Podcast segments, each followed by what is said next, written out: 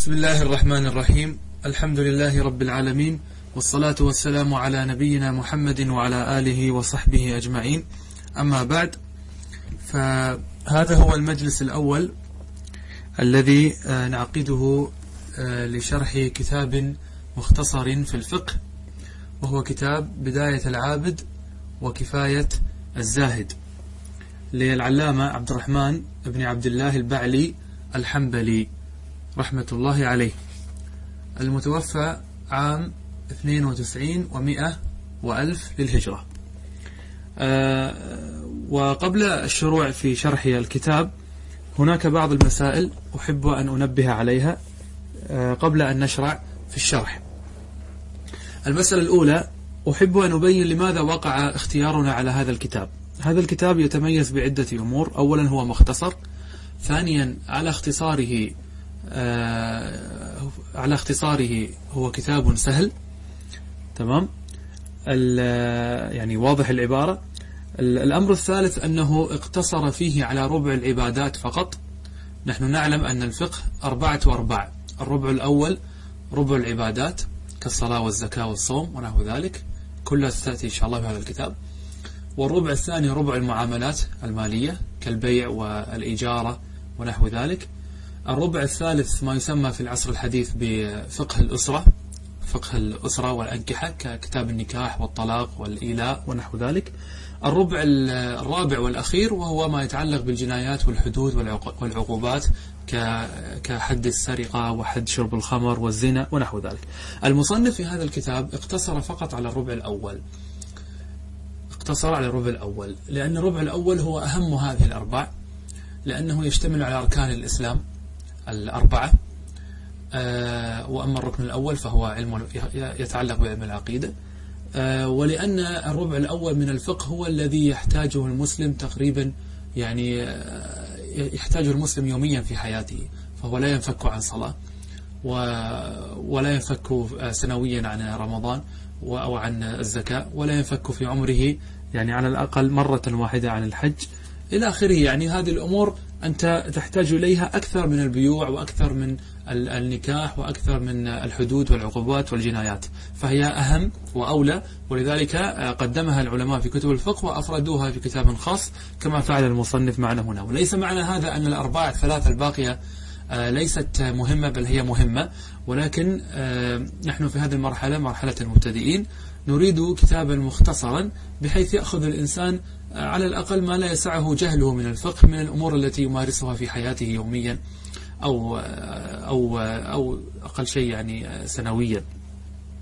فلذلك يعني جاء هذا الكتاب الذي أفرده البعلي رحمه الله تعالى وقصره على ربع العبادات وخيرا فعل لأن طلاب العلم مبتدئين حينما يدرسون كتابا كاملا في الفقه بأرباعه الأربعة يطول عليهم الطريق ويصعب عليهم فربما انقطعوا وتركوا. فصنف المصنف رحمه الله تعالى هذا الكتاب وجعله في ربع العبادات فقط. إذا آه إذا هذه الأسباب التي جعلتني أختار هذا الكتاب. أولا هو آه مختصر ثانيا سهل ثالثا اكتفى فيه بربع العبادات رابعا اقتصر فيه على قول واحد وهو الراجح في مذهب الإمام أحمد وهذا أدعى آه لئلا يتشتت الطالب. بكثرة الأقاويل والترجيحات والمناقشات والردود هذا كله يشتت الطالب في هذه المرحلة. نحن في هذه المرحلة سندرس قولا واحدا فقط. لن أذكر الأقوال الأخرى ولن أذكر الروايات الأخرى الموجودة في المذهب. سأقتصر على قول واحد هذا القول هو القول المعتمد عند الحنابلة وهو القول الذي اعتمده المصنف. تمام؟ طيب السبب الخامس أن الكتاب مخدوم. فعليه شروحات صوتية وشروحات مرئية وشروحات مكتوبة وسنشير آه، إلى بعضها بعد قليل إن شاء الله. طيب آه، المسألة الثانية طريقتنا في شرح هذا الكتاب سنحرص نحن في هذا الكتاب على آه، أمور ثلاثة. هذه الأمور الثلاثة مهمة جدا لأي طالب يدرس أي مذهب من المذاهب الفقهية. أنت يا طالب العلم الذي تدرس الفقه تحتاج إلى ثلاثة أمور. الأمر الأول صورة المسألة. الأمر الثاني حكم المسألة. الأمر الثالث الدليل أو التعليل. الدليل دليل المسألة أو تعليلها. تمام؟ صورة المسألة ما معنى صورة المسألة؟ يعني قصة المسألة. ما القصة التي حصلت؟ إنسان دخل المسجد وصلى بدون وضوء وتذكر في أثناء الصلاة أنه غير متوضأ. ما حكمه؟ هذا ماذا نقول له؟ هذه صورة المسألة. واضح؟ هذه صورة المسألة. فاحرص في كل مسألة أن تعرف ما هي الصورة. ثم بعد ذلك حكم المسألة. وحكم المسألة يعني هل هو واجب أم مستحب؟ هل هو حرام أم مكروه أو مباح؟ والأحكام التكليفية الشرعية الخمسة آه، معروفة لديكم والأحكام لا تخرج عن هذه الخمسة. واجب مستحب حرام مكروه مباح. وسأبينها هنا مرة واحدة فقط آه، لأن هذه الألقاب الخمسة ستأتيكم كثيرا في الكتاب ولأن هذه السلسلة الصوتية ربما يستمع إليها إنسان لم يدرس كتابا في أصول الفقه فربما لا يفرق بين المكروه والحرام مثلا وبين الواجب والمستحب مثلا فلذلك سأبينه باختصار شديد. أقول الواجب هو الذي إذا فعلته تؤجر وإذا تركته تأثم. كالصلاة. المستحب هو الذي إذا فعلته تؤجر وإذا تركته لا تأثم كالسواك. الحرام إذا فعلته تأثم وإذا تركته تؤجر كالزنا. المكروه إذا فعلته لا تأثم وإذا تركته تؤجر. مثاله آه الالتفات مثلا في الصلاة بدون حاجة. طيب إذا ما عرفنا الواجب عرفنا المستحب عرفنا الحرام عرفنا المكروه بقي المباح. المباح ما ليس في فعله ثواب ولا عقاب ليس في فعله ولا في تركه ثواب ولا عقاب مثل ماذا؟ مثل النوم والأكل والشرب. تمام؟ طيب إذا أنت في كل مسألة تحتاج إلى أن تعرف صورة المسألة يعني قصتها. ثانيا حكم المسألة وحكمها لا يخرج عن هذه الخمسة. ثالثا الدليل أو التعليل. الدليل أو التعليل. ما معنى الدليل؟ الدليل قد يكون من القرآن قد يكون من السنة قد يكون قولا لصحابي وقد يكون قياسا وقد يكون إجماعا وقد يكون استصحابا وقد يكون آه، غير ذلك. وهذه الأدلة تعرف من خلال دراسة علم أصول الفقه. وبهذا تعلم أن ما يظنه كثير من طلاب العلم أن الدليل لا يكون إلا آية أو حديثا هذا خطأ. بل مفهوم الدليل عند السلف أوسع من ذلك.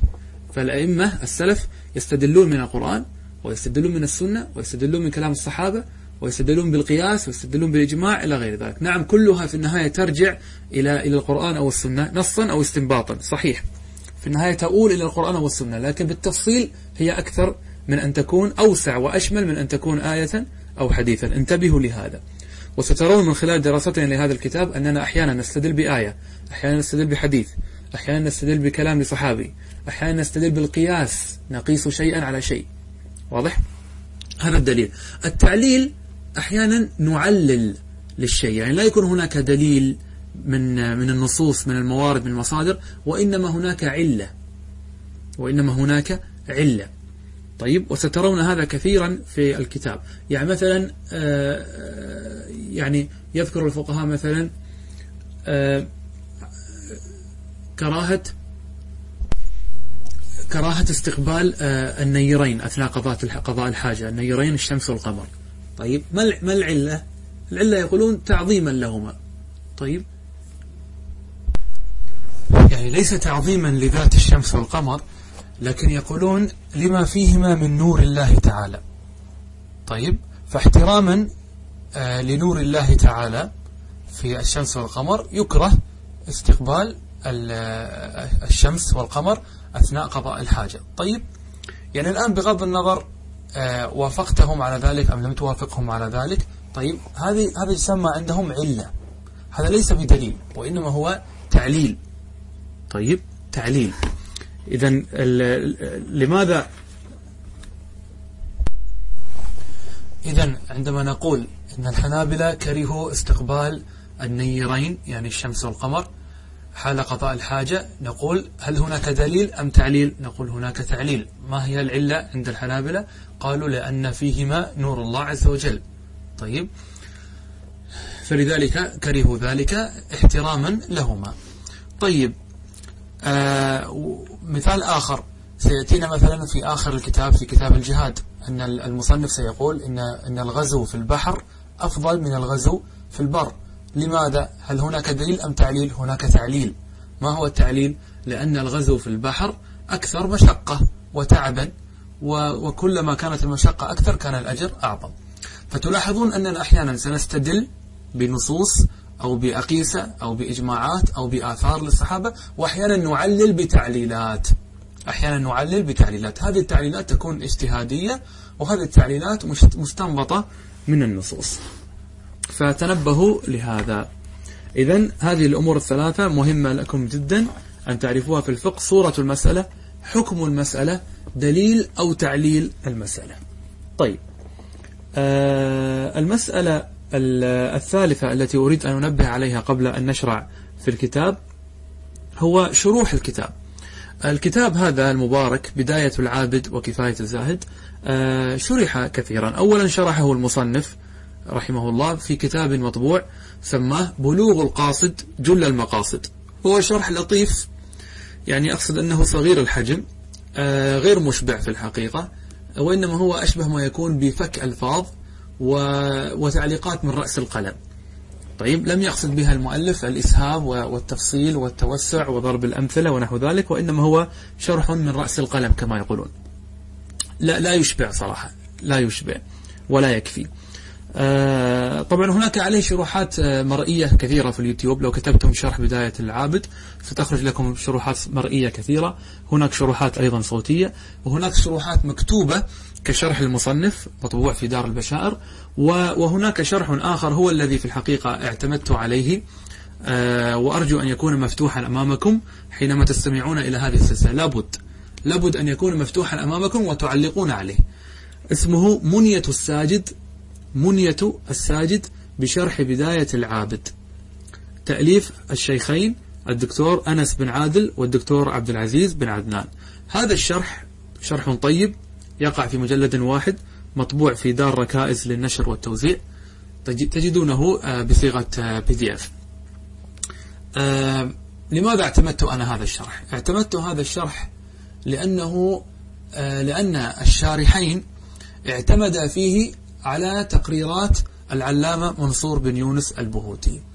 فشرحهم مستمد من من كتب البهوتي رحمه الله.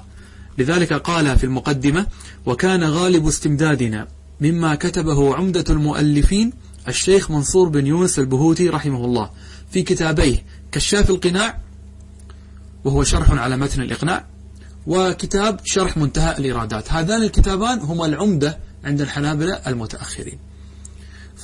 فالشارحان جزاهم الله خيرا استمد شرحهما من هذا من من هذين الكتابين.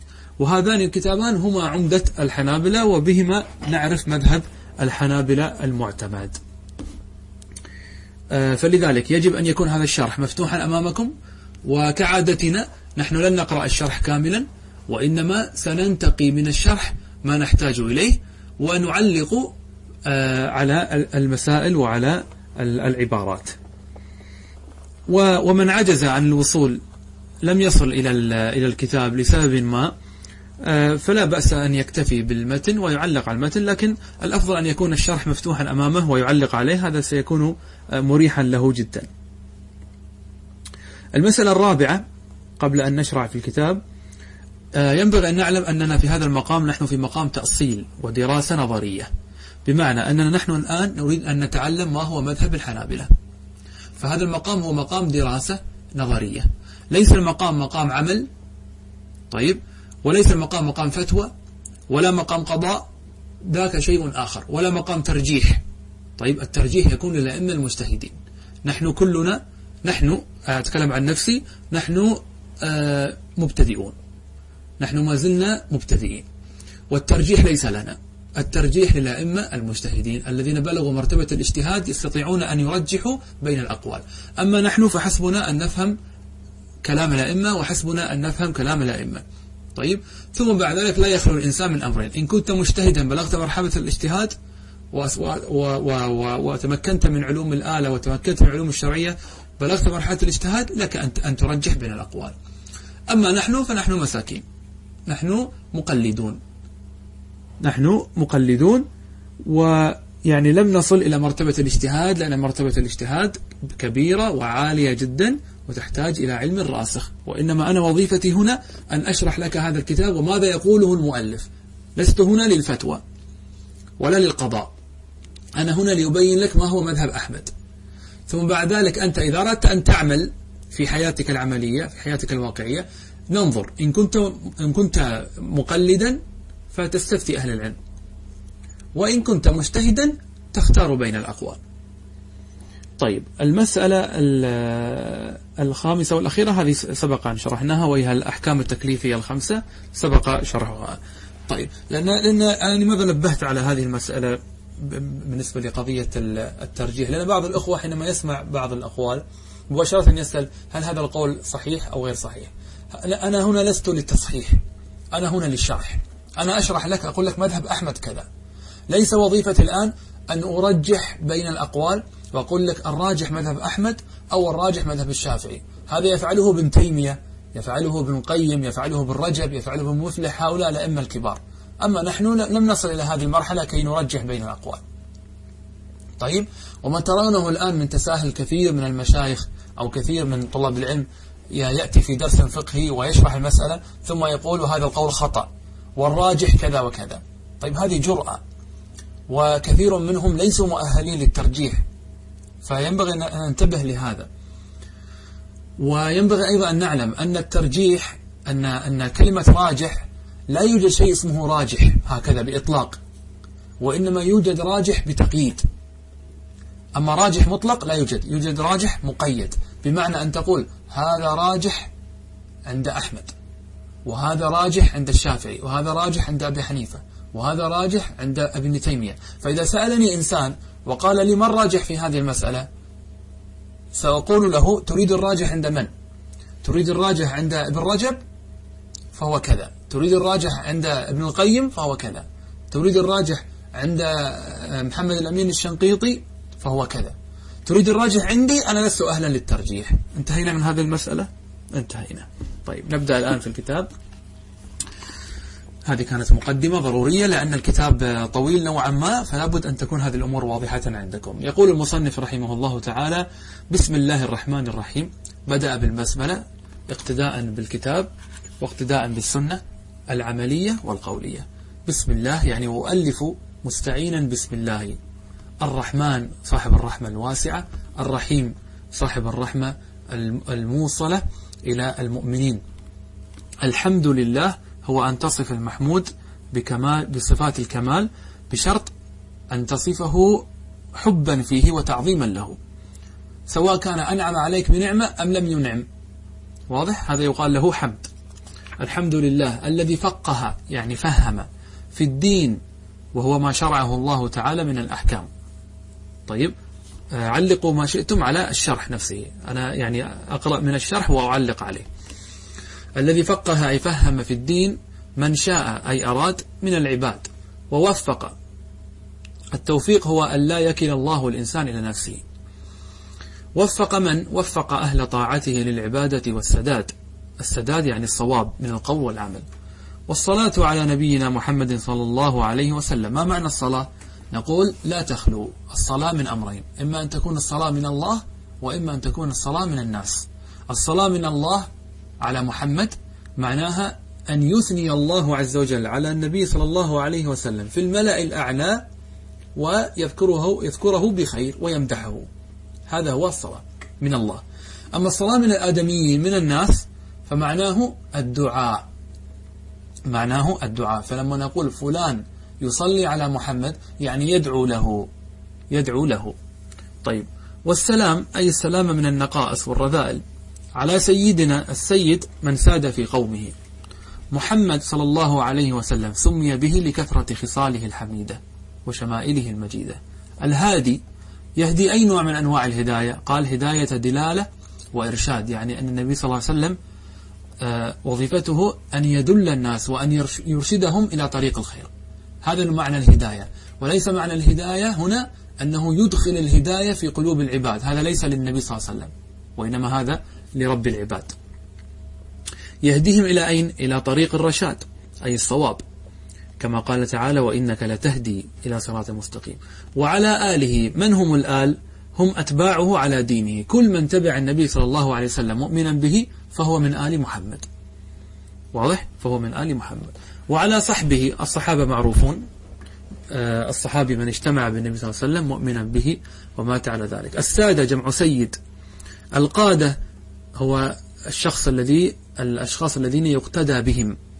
الأمجاد جمع ماجد والمجد هو نيل الشرف والكرم. وعلى تابعيهم يعني كل من اتبع الصحابة لكن بشرط قال بإحسان. لأن الله تعالى قال والذين اتبعوهم بإحسان. لابد من هذا القيد أن نتبع الصحابة بإحسان. صلاة دائمة متصلة يعني غير منقطعة إلى يوم المعاد وهو يوم القيامة. أما بعد هذه كلمة يؤتى بها للانتقال من أسلوب إلى آخر أو من موضوع إلى آخر كأن تنتقل من المقدمة إلى صلب الموضوع. قال فقد استخرت الله تعالى أي طلبت منه الخيرة في أمري. يعني المصنف طلب قبل أن يصنف هذا الكتاب استخار الله. وهذا يدل على تعلق العلماء والسابقين والأوائل تعلقهم بالله عز وجل. فقبل أن يقدم على شيء يطلب من الله التوفيق والسداد وطرح البركة وهذا الذي جعل كتبهم مباركة وجعل لها القبول والبقاء والنفع. ونحن إلا من رحم الله يعني نياتنا الله عز وجل أدرى بها. هل نحن نؤلف لله؟ هل نصنف لله؟ هل ندرس لله؟ الله أعلم. ولكن هؤلاء كما ترون يعني لا يقدمون على شيء إلا تضرعوا لله ورجعوا إليه. وقد يقول قائل كيف يستخير المؤلف في أمر مستحب كهذا؟ أليس تأليف الكتب من الأمور المستحبة التي يحبها الله؟ الجواب بلى. إذا كيف يستخير المؤلف لهذا؟ هذا شيء لا يحتاج إلى استخارة بل عليه أن يقدم دون استخارة ولا تردد. الجواب عن هذا السؤال أنك تظن أن الاستخارة لا تكون إلا للمتردد وهذا خطأ شائع. أن الاستخارة تكون للمترددين. لا. الاستخارة أعم من ذلك. طيب. وستأتي معنى هذه المسألة في هذا الكتاب. ما هو ما هي المواضع التي يستحب لها الاستخارة؟ وسنعرف هناك أنه يستحب أو يشرع للإنسان أن يستخير الله عز وجل في المستحبات. طيب؟ لأن معنى الاستخارة ما هو؟ طلب الخيرة في الأمر. تطلب من الله الخير. فهذا أمر يعني مشروع وطيب سواء كان مع المستحبات أو غيرها. لأن الناس يظنون أنك لا تستخير إلا إذا كنت مترددا. هذا غير صحيح. بل المصنف هنا استخار الله قبل أن يؤلف هذا الكتاب ليطلب منه الخيرة في تأليف هذا الكتاب ويطرح فيه البركة والنفع والإخلاص. في جمع مختصر. استخار في ماذا؟ في جمع مختصر. هذا هو وجه الاستخارة أو مكان ومحل الاستخارة. استخار في جمع مختصر. ما هو المختصر؟ ما قل لفظه وكثر معناه. هذه هي المختصرات. الكتب المختصرة. ما قل لفظه. ألفاظه قليلة ولكن معانيه إيش؟ معانيه كثيرة جدا. تمام؟ واصطلح الناس على تسميتها الآن بالمتون. غالب المتن يكون مختصرا. مثل هذا الكتاب الذي معنا. هذا متن. أو وإن شئت قل مختصر. ما معنى مختصر؟ يعني ألفاظه قليلة معانيه كثيرة. طيب. مفيد. وصف هذا المختصر بأنه مفيد مقتصرا فيه على بيان أحكام العبادات فقط. لن يذكر لك الأرباع الثلاثة الأخرى التي نبهتكم عليها. لماذا فعلت هذا يا إمام؟ قال ترغيبا للمريد وتقريبا للمستفيد. طيب في أي فقه هذا الكتاب؟ هناك أربع مذاهب مشهورة. قال في فقه مذهب الإمام أي المقتدى الإمام هو الشخص الذي يقتدى به. طيب الجليل المبجل أي المعظم أبي عبد الله أحمد بن محمد بن حنبل. إذا أبوه اسمه محمد وحنبل جده. وكثير من طلاب العلم يظن أن حنبل أبوه وهذا غير صحيح. حنبل جده. وصحيح أن الناس يقولون أحمد بن حنبل هذا من باب الاختصار ومن باب نسبة الرجل إلى إلى ما ما يشتهر به. كقول النبي صلى الله عليه وسلم أنا ابن عبد المطلب وابن عبد المطلب ليس ليس أباءه وإنما جده صح؟ فهذا يعني من باب أنه اشتهر بهذا الاسم. وإلا هو اسمه الحقيقي أحمد بن محمد بن حنبل وهم بني شيبان. الشيباني يعني قبيلة عربية معروفة وسميته أي هذا الكتاب. طبعا نحن يعني اخترنا هذا الكتاب أيضا لأنه على مذهب الإمام أحمد ومذهب الحنابلة هو المذهب الرسمي المعتمد عندنا في قطر. هو المذهب الرسمي المعتمد عندنا في قطر. طيب وسميته أي هذا الكتاب بداية العابد وكفاية الزاهد. بداية فيه إشارة أن هذا الكتاب للمبتدئين. العابد فيه إشارة إلى أن هذا الكتاب مختص بربع العبادات. وكفاية الزاهد الزاهد هو من زهد في الدنيا بحيث يجعل الدنيا في يده لا في قلبه فلا يعلق قلبه بها. فهذا الكتاب فيه كفاية لمن أراد أن يفهم ما لا يسعه جهله من العبادات. ومن الله تعالى لا من غيره أرتجي له أي لهذا الكتاب القبول. والنفع لكل من اشتغل به من سائل ومسؤول. السائل هو طالب العلم أو العامي أو المستفتي والمسؤول هو العالم أو الفقيه أو المفتي. تمام؟ إنه تبارك وتعالى أكرم مأمول. يعني أكرم من يؤمل. هذه هي مقدمة المصنف. ثم قال المصنف رحمه الله تعالى كتاب الطهارة. هذا أول كتاب يأتي معنا. اعلم أن العلماء رحمهم الله وجزاهم الله عنا خير الجزاء رتبوا كتبهم ترتيبا بديعا وجميلا جدا. فهم يرتبون الكتب على آه على أجزاء. فيضعون لك كتاب. ثم تحت الكتاب فصل.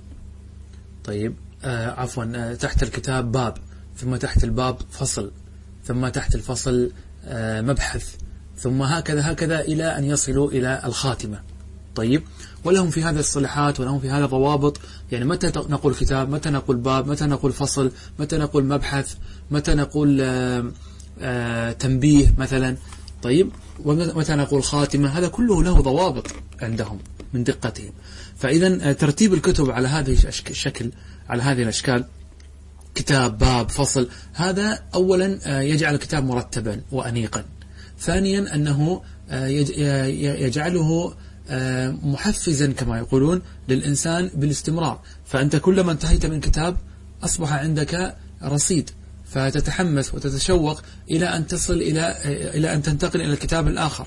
تخيل أن هذا الكتاب من أوله إلى آخره غير مبوب وغير غير موضوع على كتب أو على فصول ونحو ذلك. ستجد أنه طويل عليك. وهذه نفس الحكمة هذه الحكمة نفسها من من تقسيم القرآن إلى سور. فكان ممكن أن يكون القرآن كله سورة واحدة صح؟ لكنه قسم على هذا الصور بحيث كلما ختمت سورة انتقلت إلى سورة أخرى بنشاط جديد وبحماس جديد. مثل الإنسان المسافر كلما وصل إلى بلدة شعر أنه أنجز. واضح؟ طيب الكتاب مصدر هو من مصادر السيالة التي تدل, تدل على الجمع. فسمي الكتاب كتابا لأنه يجمع كلمات تحته. سميت المكتبة مكتبة لأنها تجمع كتبا. سميت الكتيبة كتيبة لأنها تجمع آه، أفرادا من الجنود تحتها. إذا هذه المادة في اللغة العربية الكتب والكتابة تدل على الجمع. طيب الطهارة ما هي الطهارة في اللغة العربية؟ الطهارة في اللغة العربية هي النظافة والنزاهة عن الأقدار. أما في اصطلاح الفقهاء في الاصطلاح الشرعي تطلق ال ال الطهارة على أمرين. الأمر الأول ارتفاع الحدث والأمر الثاني زوال الخبث. ما هو الحدث؟ الحدث هو شيء معنوي غير حسي لا يرى يعني بالعين هو عبارة عن وصف. هذا الوصف يقوم ببدنك. إذا قام هذا الوصف ببدنك لا تستطيع أن تصلي لا تستطيع أن تمسك المصحف لا تستطيع أن تطوف بالبيت. واضح؟ إذا أنت ما معنى هذا الإنسان محدث؟ يعني أنه اتصف بصفة ببدنه. هذه الصفة تمنعه من عبادات معينة. هذا هو الحدث. لذلك أنت لو جلس جانب بجانبك شخصان شخص محدث وشخص متوضئ هل تستطيع أن تفرق بينهما؟ إذا لا يوجد آثار للماء. طيب حتى لو كان هناك آثار للماء ممكن يكون انتقض وضوءه. طيب لا تستطيع أن تفرق بينهما. إذا الوصف إذا الحدث عبارة عن وصف معنوي. أين يقوم؟ يقوم بالبدن. إذا قام بالبدن ماذا يحصل؟ يمنعك. يمنعك من ماذا؟ يمنعك من عبادات معينة. مثل لا تستطيع تصلي لا تستطيع تمسك المصحف لا تستطيع أن تطوف بالكعبة. واضح؟ هذا يقال له حدث وفلان محدث. والحدث نوعان حدث أصغر وحدث أكبر. الحدث الأصغر هو الذي يوجب الوضوء والحدث الأكبر هو الذي يوجب الغسل. أمثلة. إنسان تبول أكرمكم الله هذا حدث أصغر. ماذا يجب عليه؟ إزالة النجاسة والوضوء. إنسان جامع ماذا حصل له؟ تلبس بحدث أكبر. ماذا يجب عليه؟ يجب عليه الغسل. واضح هذا؟ طيب. إذا الآن ما هي الطهارة؟ الطهارة هي أن ترفع هذا الحدث. أنت متصف بحدث صح؟ رفعك لهذا الحدث بأن تتوضأ أو تغتسل هذا ماذا يسمى؟ عند الفقهاء يسمى طهارة. إذا فلان تطهر يعني رفع الحدث. واضح هذا؟ الثاني زوال الخبث. الخبث ما هو؟ النجاسة. أنت على بدنك نجاسة على على ثوبك نجاسة على سجادتك نجاسة. هذه المواضع الثلاثة التي يجب أن تطهرها. ثوب بدن أرض. إزالتك للنجاسة على من هذه الأمور الثلاثة من هذه الأماكن الثلاثة هذا يسمى في اصطلاح الفقهاء طهارة. واضح لكم هذا؟ طيب. مسألة. قال الشارح وتنقسم المياه باعتبار ما تتنوع إليه في الشرع إلى ثلاثة أقسام طهور وطاهر ونجس. لقوله تعالى وينزل عليكم من السماء ماء. هل سكت هنا؟ لا. وصف الماء أو قيد الماء بقيد إضافي. قال ليطهركم به. فدلت الآية على أن هناك ماء يطهر وهناك ماء إيش؟ لا يطهر. صح؟ لأنه وصف هذا الماء بأنه قال يعني قيد هذا الماء بقوله ليطهركم به. طيب فدل هذا على أن هناك مياه لا, لا, لا يمكن التطهر بها. فهذه الآية تفيد على تقسيم المياه إلى أقسام بأن هناك مياه بأن هناك ماء يطهر وهناك ماء لا يطهر. طيب سنعرفهما الآن. طيب آه ثم قال فالقسم الأول الطهور. يقول الشارح فالقسم الأول الطهور أي الطاهر في ذاته المطهر لغيره. هذا هذا صفة هذا الماء الطهور. ما صفته؟ أنه طاهر في ذاته مطهر لغيره. هو نظيف وعنده وعنده عنده خاصية التطهير يتعدى إلى غيره. هو في ذاته نظيف وطاهر ويستطيع أن يطهر غيره. من هو هذا الماء؟ ما هو هذا الماء؟ ما هو هذا الماء؟ قال هو الباقي على خلقته أي صفته التي خلق عليها كما خلقه الله عز وجل أول مرة. كيف خلق الله البحر؟ خلقه مالحا صح؟ فهذا الماء الذي بقي على ملوحته هذا ماء طهور. كيف خلق الله آه، ماء الهار والعيون والأمطار والجداول والينابيع هذه كيف خلقها الله عز وجل؟ خلقها بعضها مالح بعضها عذب صح ولا لا؟ تتفاوت. فالماء الذي بقي على خلقته الأولى ولم يتغير هذا يقال له ماء طهور. بأن يبقى على ما وجد عليه من برودة أو ملوحة أو عذوبة أو أي كان. فماء البحر طهور. لماذا طهور؟ لأنه باقي على خلقته لم يتغير. ماء الأمطار ماء الأنهار ماء الينابيع هذه كلها هكذا خلقها الله. وبقيت كما خلقها الله أول مرة. فهذا يقال له يقال له ماذا؟ يقال له طهور. طيب ما حكم هذا الماء الطهور؟ ما حكمه؟ قال وحكمه أنه طهور آه وهو الطاهر في نفسه المطهر لغيره فهو من الأسماء المتعدية لقوله تعالى وينزل عليكم من السماء ماء ليطهركم به. طيب آه ولحديث أبي هريرة سأل رجل رسول الله صلى الله عليه وسلم فقال إنا نركب البحر إنا نركب البحر ونحمل معنا القليل من الماء فإن توضأنا به عطشنا أفنتوضأ من ماء البحر؟ فقال النبي صلى الله عليه وسلم هو الطهور ماؤه الحل ميتته. الشاهد في قوله هو الطهور ماؤه. فحكم النبي صلى الله عليه وسلم على ماء البحر بأنه طهور لماذا؟ لأنه باق على خلقته التي خلقه الله عليها لم يتغير. طيب. مسألة. يجوز استعماله أي الماء الطهور مطلقا. الآن هذا عرفنا ما هو الماء الطهور. قلنا هو الماء الباقي على على خلقته. طيب. من ناحية الاستعمال من ناحية الاستعمال هل يجوز لي أن أستعمل هذا الماء؟ نعم. أستعمله في ماذا؟ استعمله فيما شئت. سواء تريد أن تستعمله في العبادات أو تريد أن تستعمله في العادات. قال يجوز استعماله أي الماء الطهور مطلقا في أي شيء. تريد أن تستعمله في رفع الحدث؟ جائز. بل هو الواجب وليس لك خيار آخر أصلا. وإزالة الخبث إذا كان عليك نجاسة أصلا لا يزيل النجاسة عند الحنابلة إلا هذا الماء الطهور. إذا حكمه هذا حكم هذا حكم الماء الطهور. حكمه أنه لا يرفع الحدث غيره. كما قال تعالى فلم تجدوا ماء فتيمموا. فدل على أن الأصل هو رفع رفع الحدث بالماء. طيب إذا لا يرفع الحدث الذي تلبست به إلا ماذا؟ إلا الماء الطهور.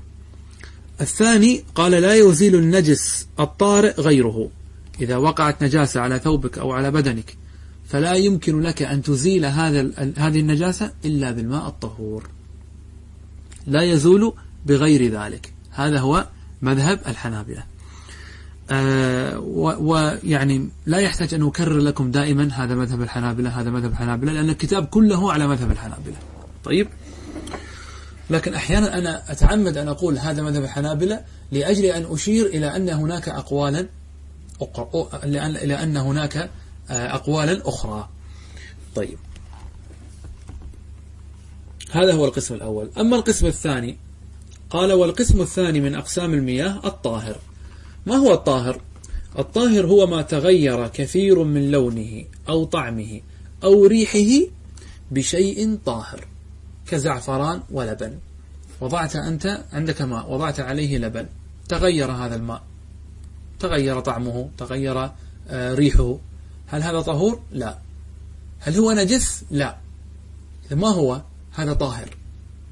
ما هو الطاهر؟ هو طاهر في نفسه لكنه غير مطهر لغيره. ليس عنده خاصية التطهير. هو في نفسه نظيف تريد تشربه اشربه. لكنه ليس عنده خاصية التطهير. هذا هو الفرق بين الطهور والطاهر. إذا ما الفرق بينهما؟ الطهور طاهر في نفسه مطهر لغيره. تستطيع تتوضأ به تستطيع تزيل به النجاسة. أما الطاهر لا. طاهر في نفسه لكنه غير مطهر لغيره. مثل ماذا؟ مثل اللبن مثل آه، الماء المخلوط بالزعفران. طيب فتغير طعمه أو لونه أو ريحه. آه، مثل عصير البرتقال مثل عصير التفاح مثل الشاي. هذا كله هل يقال له ماء؟ هذا سلب منه اسم الماء. طيب ليس بماء مطلق. ليس بماء مطلق وإنه ماء مقيد. يعني يقال مثلا ماء كذا. طيب ماء كذا. على كل هو ماء لكنه متغير. طيب. عرفنا ما هو الماء الطاهر. طيب ما حكمه؟ يعني في ماذا يستعمل وفي وما الذي لا يستعمل فيه؟ قال يجوز استعماله أي الماء الطاهر في غير رفع حدث وزوال خبث. لا يجوز لك أن تستعمل الماء الطاهر في هذين الشيئين. لا تستطيع أن ترفع حدثك بالماء الطاهر. هذا واحد. يعني لا تستطيع أن تتوضأ بالماء الطاهر. ولا تستطيع أن ترفع أن, أن, أن, أن تزيل النجاسة العالقة ببدنك أو ثوبك ونحو ذلك بالماء الطاهر. بل لا بد من إيش؟ لا بد من الماء الطهور. لا بد من الماء الطهور. لماذا؟ لأن هذا الماء كما قلنا قبل قليل طاهر في نفسه لكنه غير مطهر لغيره. كيف أعرف الماء الطاهر؟ تعرفه بأنه حصل فيه تغير بشيء طاهر. وقع فيه شيء طاهر فحصل فيه تغير. هذا التغير قد يكون في الطعم قد يكون في الرائحة وقد يكون في اللون. واحد منهما يكفي. خلاص؟ واحد منهما يكفي. طيب. إذا مثلا عندك كوب ماء وضعت فيه ورق الشاي. تغير لونه صار أحمر. هل هذا يجوز الوضوء به؟ لا. هل يجوز أن أن أزيل به نجاسة؟ لا. طيب ماذا أفعل به إذن؟ قال الشارح كالأكل والشرب. يعني لك أن تأكل به لك أن تشرب منه لك أن تطبخ به عادي. لكن أن ترفع به الحدث أن تزيل به الخبث هذا كله لا يجوز. القسم الثالث والأخير من أقسام المياه هو النجس. إذا فهمت القسم الأول والقسم الثاني سهل عليك أن تفهم القسم الثالث. النجس ما هو؟ هو ما تغير بنجاسة. قال الشارح وهو ما تغير بنجاسة. قليلا كان الماء أو كثيرا. وحكى ابن المنذر الإجماع على ذلك. في غير محل تطهير غير هنا أداة استثناء بمعنى إلا. يعني إلا في مسألة واحدة إلا في مسألة واحدة. مستثنى. يلتقي الماء القليل بالنجاسة ولا نحكم على هذا الماء القليل بأنه نجس. ما هي هذه المسألة المستثنى؟ قال في غير محل تطهير. أما إذا كان الماء الملاقي للنجاسة في محل التطهير فلا ينجس لضرورة التطهير. ما صورة هذه المسألة؟ صورة هذه المسألة عندك ثوب. وهذا, البو وهذا الثوب عليه نجاسة. بقعة نجسة. طيب أخذت أنت ماء قليلا وسكبته على هذه البقعة. طيب وما زالت البقعة موجودة. الآن أنت لما سكبت هذه هذا الماء القليل على هذه البقعة لماذا فعلت هذا؟ كي تزيل النجاسة صح ولا؟ طيب ماذا حصل الآن؟ الذي حصل أن ماء قليلا التقى بنجاسة. مفروض بناء على القاعدة السابقة التي قبل قليل أن النجس ما هو؟ النجس هو الذي تغير طعمه أو لونه أو ريحه بنجاسة. صح؟ فلما التقى هذا الماء القليل اختلط بالنجاسة ماذا حصل له؟ ألم يتغير؟ بلى. حصل فيه تغير في طعم أو لون أو رائحة. طيب وما حكم الماء الذي تغير بنجاسة؟ حكمه كما قلنا قبل قليل أنه نجس. إذا بناء عليه صار هذا الماء ماذا؟ صار هذا الماء نجسا. صح ولا لا؟ طيب ما المشكلة إذا قلنا إنه نجس؟ المشكلة أنك تريد أن تزيل النجاسة. فأنت الآن تقوم بت... ب... ب... باستعمال ماء نجس لإزالة نجاسة صح ولا لا؟ أنت الآن لأن هذا الماء الآن اختلط بالنجاسة مجرد ما يلتقي بالنجاسة تنجس. فإذا حكمنا عليه بالنجاسة صارت مشكلة. كيف سنطهر هذا الماء بالماء؟ كيف سنطهر هذه النجاسة بالماء القليل؟ كيف سنطهره؟ ما نستطيع. لأن كلما التقى الماء القليل بالنجاسة حكمنا عليه بالنجاسة والنجس لا يرفع النجس. الماء النجس لا يرفع النجاسة. طيب؟ فإذا المرحل قالوا هذه المسألة مستثناة. ما معنى مستثنى يعني لا نحكم على هذا الماء القليل الذي التقى بنجاسة حتى ولو تغير لا نحكم عليه بأنه نجس. لماذا؟ قالوا للضرورة. إذا هنا ما عندنا دليل لكن عندنا تعليل. العلة هي للضرورة لأن هذه ضرورة. نحن مضطرون أن نزيل هذه النجاسة وعندنا هذا الماء القليل فنحن مضطرون إلى أن نستثنيه. ليس هناك حل آخر. واضح هذا؟ إذا نقول أي ماء تغير بنجاسة تغير طعمه أو لونه أو ريحه بنجاسة ما هذا الماء نجس إلا في صورة واحدة إذا التقى الماء القليل بمحل التطهير. فهذا محل التطهير إذا التقى به الماء القليل فإنه آه، لا نحكم عليه بالنجاسة. إلى أن تزول هذه النجاسة. طيب ما حكم الماء النجس؟ ما معنى ما حكم؟ يعني فرق بين أن نقول ما هو النجس وبين أن نقول ما حكمه. ما هو الماء النجس عرفناه. هو الماء الذي تغير بنجاسة. لكن ما حكمه؟ يعني من ناحية الاستعمال هل يجوز أن أتوضأ به؟ قال ويحرم استعماله أي الماء النجس مطلقا. مطلقا. يعني أي في العبادات وغيرها. يعني لا يجوز لك أن تتوضأ به ولا أن تغتسل به. هذا في العبادات. أو في غير العبادات. لا يجوز لك أن تشربه ولا يجوز لك أن تأكله ولا يجوز لك أن تطبخ به. حتى لو لم يوجد غيره. حتى لو لو لم يوجد غيره. طيب آه لأنه إذا إذا إذا لأن هناك بدائل إذا كان الماء نجسا تستطيع أن تتيمم. لقوله تعالى ويحرم عليهم الخبائث والنجس خبيث إلا لضرورة. أحيانا هناك الضرورة تبيح المحظورة كما هي القاعدة الشرعية المعروفة الضرورة تبيح المحظورة. ما هي الضرورة؟ قال كدفع غصة. صورة هذه المسألة إنسان جالس على الطاولة يأكل الطعام فغص باللقمة. غص. إذا لم يدفع هذه الغصة ربما يموت ربما يحصل له شيء. وليس أمامه إلا كوب فيه نجاسة. هل يجوز له أن يشرب هذا الكوب ليدفع الغصة؟ الجواب نعم لأن ضرورات تبيح المحظورات. مسألة. نحن قبل قليل في كلامنا قلنا هناك ماء قليل وماء كثير. يعني قبل قليل لما قلنا إذا التقى ماء قليل بنجاسة. ينجس مباشرة بمجرد الملاقاة إلا في صورة واحدة استثنائية تقدمت صح؟ قد يسأل سائل ويقول ما الفرق بين الماء الكثير والماء القليل؟ عند الفقهاء. نقول الماء الكثير هو ما كان ما بلغ قلتين فأكثر. طبعا ستقول لي ما هما القلتان؟ سنبينهما الآن. طيب لكن الآن نعرف هذا. إذا بلغ الماء قلتين فأكثر هذا كثير.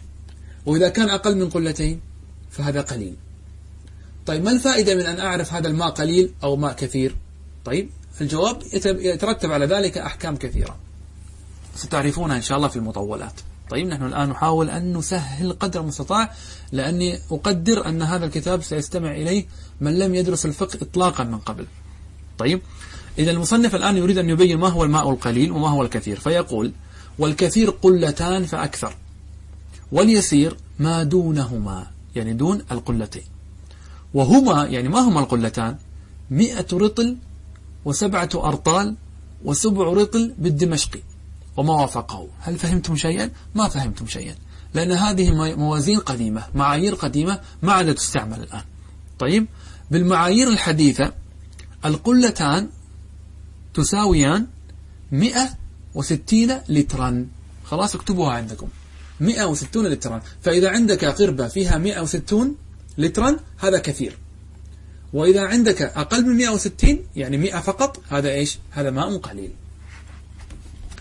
ما الفائدة من أن أعرف هذا؟ قلت لكم ستعرفونه إن شاء الله في كتب آه، أوسع. لكن مثلا من من الفوائد إذا كان الماء قليلا طيب فإنه ينجس بمجرد ملاقاة النجاسة إلا في صورة واحدة تقدمت معنا قبل قليل. حتى ولو لم يتغير. حتى ولو لم يتغير. مجرد أن تقع عليه النجاسة ينجس. طيب إلا في مسألة التي استثناها في غير محل التطهير. ثم قال فصل في أحكام الآنية. ضابط. ضابط. قال الضابط يعني آه، سيأتي معنا إن شاء الله ما الفرق بين الضابط والقاعدة لكن بعض الفقهاء لا يفرق بين الضابط والقاعدة وبعضهم يفرق وهذا التفريق سأذكره لكم إن شاء الله في موضعه بإذن الله. طيب قال الأصل في الآنية الطهارة. الأصل في أي آنية عندك أنها طاهرة فإذا شككت هل وقع فيها نجاسة أم لم يقع فيها نجاسة؟ ماذا نقول؟ نقول الأصل فيها الطهارة. فلك أن تشرب منها أن تضع فيها الماء وتتوضأ تفعل بها ما تشاء. إذا الأصل في الأواني أو الأصل في, في الإلاء الأصل فيه أنه طاهر. لأن الأصل في الأشياء كلها الطهارة لقوله تعالى هو الذي خلق لكم ما في الأرض جميعا. طيب ضابط آخر. وكل إناء طاهر كالخشب ولو كان هذا الإناء ثمينا حتى لو كان ثمينا مثل مصنوع من المجوهرات. طيب يباح لك اتخاذه واستعماله حتى لو كان ثمينا. مباح أن تتخذه وأن تستعمله. بلا كراهة. لأن الأصل في الأشياء الحل. فإن قال قائل وما الفرق بين الاتخاذ والاستعمال؟ الفرق بينهما كبير. الاتخاذ يقول الشارح مجرد الاقتناء ولو لم يباشره بالانتفاع. يعني تشتري هذه الآنية وتضعها عندك في الدولاب. هذا إيش يسمى؟ اتخاذ. يقال اتخذ فلانا آنية. يعني وضعها عنده. استعملها؟ لا ما استعملها. أما الاستعمال واضح. الاستعمال هو مباشرته بالانتفاع. يعني تشرب منه تأكل منه تتوضأ منه. هذا يسمى إيش؟ استعمالا. واضح؟ هو يقول لك المؤلف يباح لك اتخاذه واستعماله. طيب. فرع. ما معنى فرع؟ يعني مسألة. تسمى المسائل الفقهية بالفروع. ومنه كتاب ابن مفلح الفروع. الفقهية الفروع. عنده كتاب اسمه آه الفروع. آه فإذا لما نقول فرع يعني مسألة فقهية متفرعة عما سبق. قال كل إناء يباح اتخاذه واستعماله غير ما معنى غير؟ يعني إلا. إذا غير هنا أداة استثنائية بمعنى إلا. إلا واحد أنية ذهب وفضة خالص أو غير خالص هذا حرام. لا يجوز. لحديث لا تشربوا في آنية الذهب والفضة ولا تأكلوا في صحافهما. رواه الشيخان. الاستثناء الثاني جلد الآدمي وعظمه. تخيل إناء مصنوع من جلد الآدمي. عافانا الله وإياكم. حرام. إناء مصنوع من عظم الآدمي حرام. تمام؟ مسألة أخيرة. نختم بها الدرس. حكم استعمال آنية الذهب والفضة على ثلاثة أقسام. القسم الأول استعمالها في الأكل والشرب. هذا حرام وبعضهم حكى عليه الإجماع. القسم الثاني استعمالها في غير الأكل والشرب كأن تستعملها في الطهارة مثلا أو حفظ الأشياء كالمحبرة. هذا حرام باتفاق الأئمة الأربعة قياسا على الأكل والشرب.